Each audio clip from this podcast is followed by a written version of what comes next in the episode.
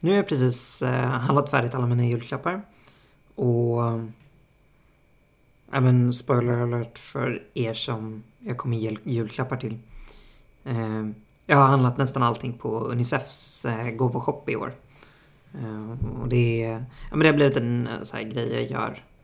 Eller, jag, så här, jag gjorde det förra året också. Eh, och så här, det finns två spår jag vill ta. Dels vill jag prata om... Nej, okej, okay, tre spår. Dels vill jag prata om hur lite jag vet om Unicef. Alltså det är så här, en grej som jag kom på idag när jag, när jag insåg att jag ska börja prata om, eller att jag ska prata om det här. Är, jag visste inte ens att Unicef var ett FN-organ. Det är på den nivån liksom. Um, jag visste inte att Unicef bara jobbar med barn, eller framförallt jobbar med barn. Jag trodde det var så här, Rädda Barnens uppgift. Um, och det, det, jag vet inte, det känns lite konstigt för mig för att det är ändå en av världens största välgörenhetsorganisationer och jag har så jävla dålig koll. Vilket säger en del om, om liksom hur mycket jag faktiskt bryr mig. Och det går in lite nästa, nästa spår att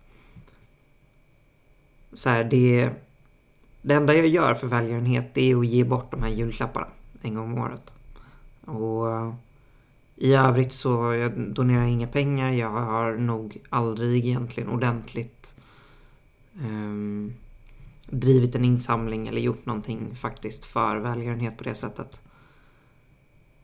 Och så här, jag vet inte riktigt vad det beror på. För i överlag så är, har jag ett finger med i ganska många liksom, kakburkar och gör ganska mycket. Men just det här med välgörenhetsarbete har aldrig...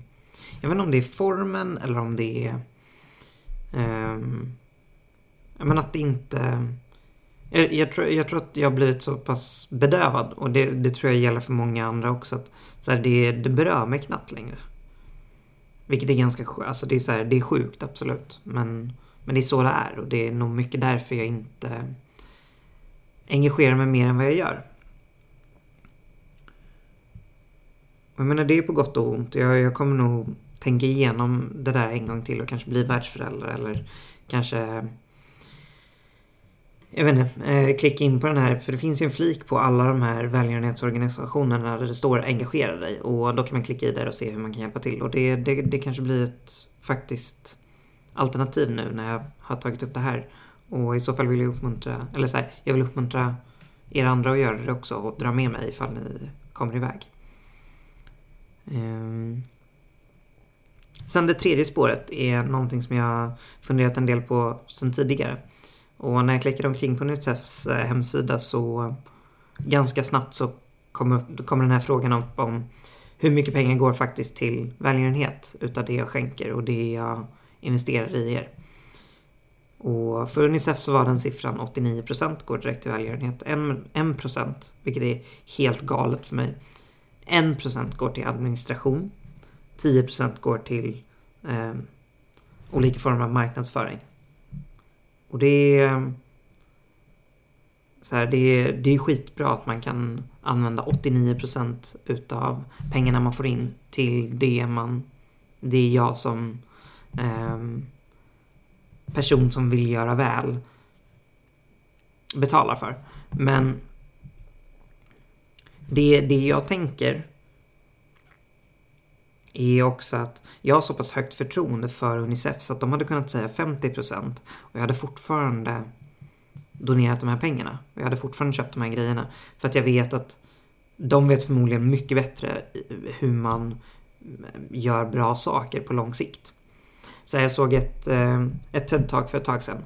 Om ett av mina favorit-TED eh, Talks faktiskt. Jag ska se om jag kan hitta länken. Och där är en före detta tror han är CEO för en välgörenhetsorganisation, som pratar om just det här att det blir sånt jävla fokus på hur mycket som går till det det ska gå till. Um, I procent. Snarare än den faktiska summan. Han till exempel, han, han drev en, en välgörenhetsorganisation och um, han drev den som ett företag. Alltså med syfte att tjäna pengar som liksom inte skulle gå till några investerare utan till välgörenhet. Vilket gjorde att han in, eh, anställde eh, folk som var duktiga och som liksom hade eh, bra säljmeriter och, och chefsmeriter liksom. Och sen drev han det som ett företag. Och till en, en grej som han gjorde var att annonsera i New York Times, vilket är en helt slag, helt, helsida. Vilket är skitmycket pengar. Och då beskrev han att så här, bara den sidan drog in sju gånger pengarna. Direkt, alltså dagen efter kunde de se det. Eh, och över tid också. Vilket gör att de drog in ännu mer pengar. Alltså det blir en investering. Vilket gör att procentuellt sett så, så ser det ut som att en, vad var det, sjundedel kanske gick till, av deras budget gick till den här tidningen. Men de drog in mer pengar. Vilket gjorde att det faktiska värdet som de Ehm, producerade för, ja men vilket välgörande ändamål det nu var, var väldigt mycket mer.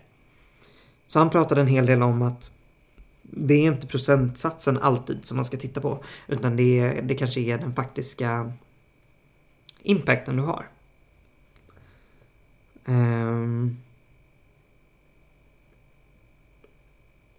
Ja, men jag ska försöka, jag ska försöka eh, länka till det här eh, TED-taket och så vill jag jättegärna höra dina tankar kring det.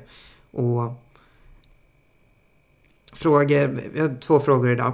Dels, hur kan du engagera dig mer och hur hade du kunnat se att jag hade kunnat hjälpa till på det sättet?